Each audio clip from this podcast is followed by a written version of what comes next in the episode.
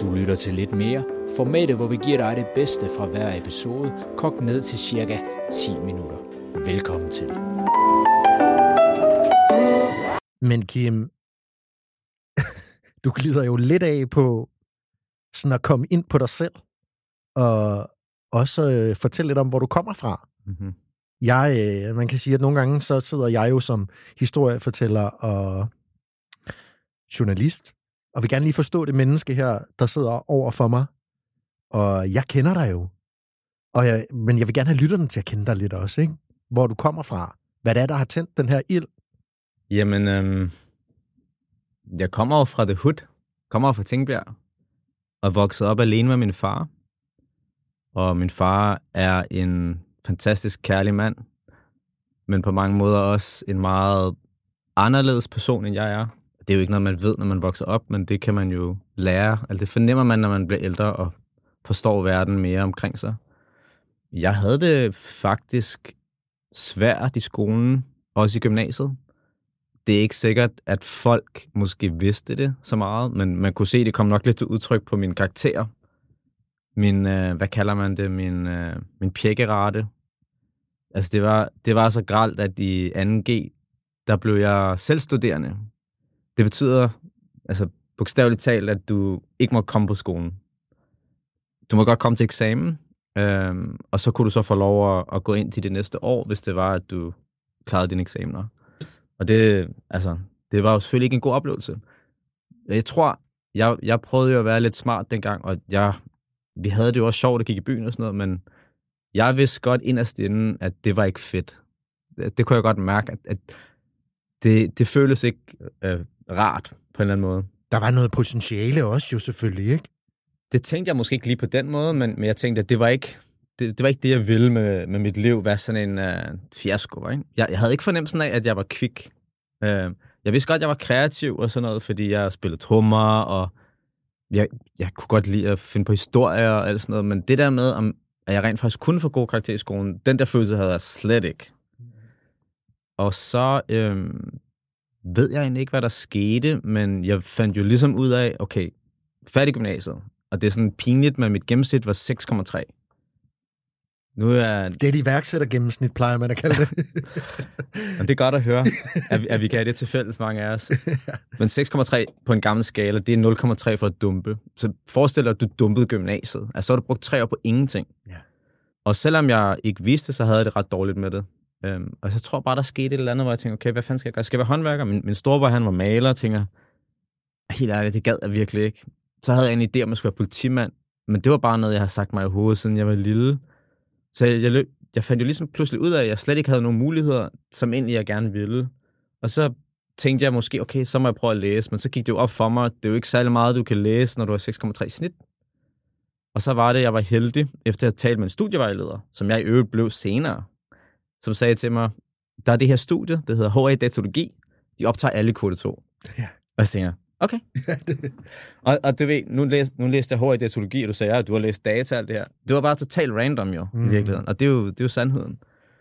Men det, der skete, det var, at jeg, jeg har altid haft selvdisciplin. Jeg har bare aldrig brugt det på skolen. Så jeg, jeg trænede meget dengang. Jeg var virkelig, virkelig god form. Når jeg ville lære noget, så satte jeg mig ned og strukturerede det. Men jeg har aldrig gjort det med skolen. Og så overførte jeg lige pludselig den, den der disciplin på min skole, og, og endte med at tage både HA-datologi og kan-mærke-datologi. Så det, det er jo så lige fem år, vi lige går hurtigt henover, men endte jo med at have rigtig gode karakterer. Øh, fik 12 i mit speciale. Jeg blev spurgt, om jeg ville være underviser, og jeg fik faktisk et konsulentjob øh, på Instituttet for Informatik, hvor jeg var sådan en øh, IT-ekspert, der hjalp med at lave sådan et par hjemmesider. Og, og det var også et, under mit studie, at jeg så også begyndte at, at lege med iværksætteri. Det, der altid slår mig, når jeg får sådan en historie der, det er jo en fantastisk historie, men det, der altid slår mig, fordi det er en historie, der dukker op, øh, jeg skal vil ikke sige ofte inde i den her podcast, men den dukker op, at vi har et skolesystem, vi har nogle rammer, mm. som kan varetage en slags, altså der er et samlebånd, ikke? som er måske de mere, jeg er god til at sætte stille, jeg er god til at lytte aktivt, jeg er god til at løse min egen opgave på egen hånd. Mm. Øhm, og det er fandme en fed egenskab at have. Ja. Men vi er mange, der ikke har det.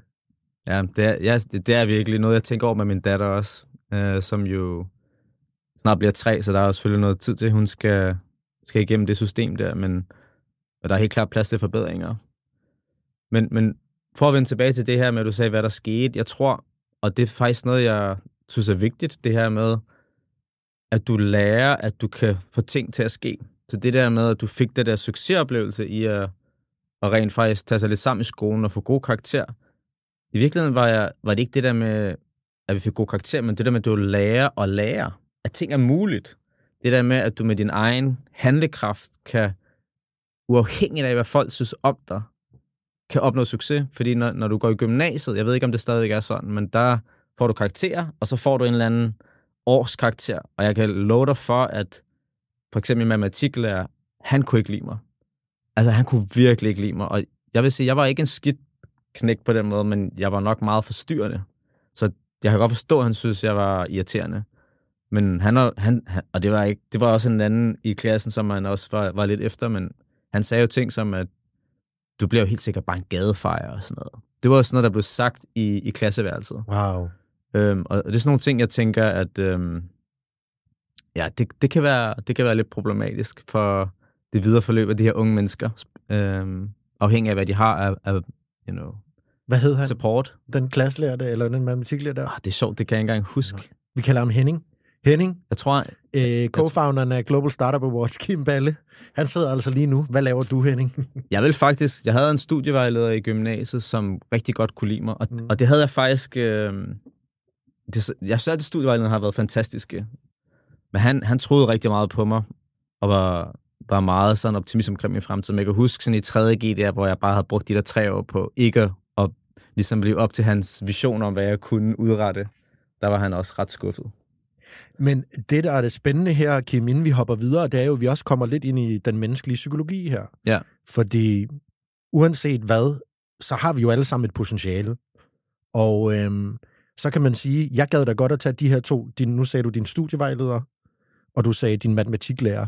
Det er to grundlæggende forskellige filosofier i forhold til mennesker. Mm. At der er en, der ser potentiale, der, helt, der helt sikkert har, har kigget dig i øjnene og tænkt, okay, jeg kan godt se Kim, eller jeg kan godt se, der er noget der, hvor din matematiklærer, han har bare set andengradsligninger, det gider han ikke.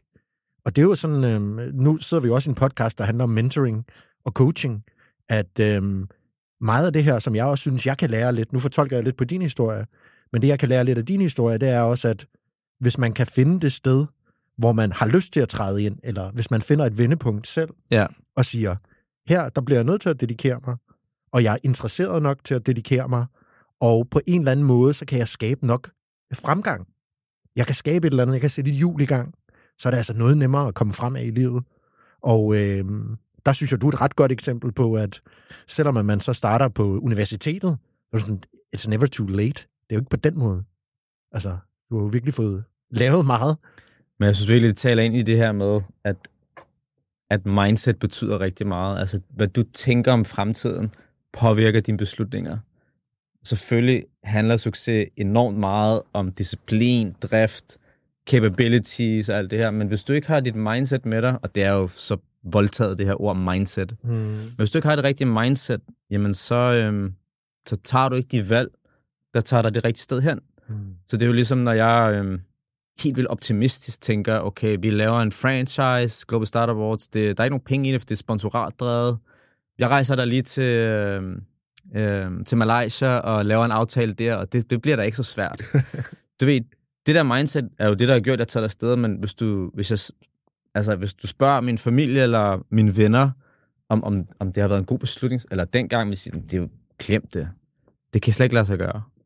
Ja, det betyder enormt meget, at du tror på dig selv, og jeg, når jeg ser noget i nogen, så holder jeg ikke tilbage med at sige det. Altså, jeg er virkelig...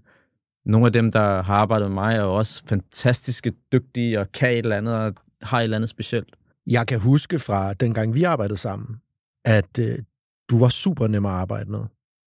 Altså, du, du var god til at give ros, du var god til at lede, og øh, ja, du var god til mennesker, hvilket var rart, hvilket også giver en lyst. Øh, man følte sig værdsat, kan man sige, ikke? Hvilket er et, er et, godt, er et godt lederskabstræk. Så du er mere studentervejlederen, end du er matematiklæreren, kan jeg så sige dig her. Jeg, jeg holder meget af at arbejde med, med dygtige folk, og specielt folk, der, jamen, der, der virkelig har den der passion, altså der, der ligger sin sjæl ind i det. Der, Mm. du, nu, nu arbejder vi sammen, og du har, vi har jo noget til fælles i forhold til det her med, at vi går all in i det, og vi tænker stort, og vi analyserer. Det er ikke sådan en checkliste. Kan du huske, vi, vi lavede et projekt, der hed Go North Now? Ja. Det var, det var jo ikke et finansielt kæmpe projekt, men vi angreb det som et kæmpe projekt. Ja. Fordi det var det, der gjorde, at vi havde lyst til at lave det. Ja. Fordi otherwise, what's the point? Ja.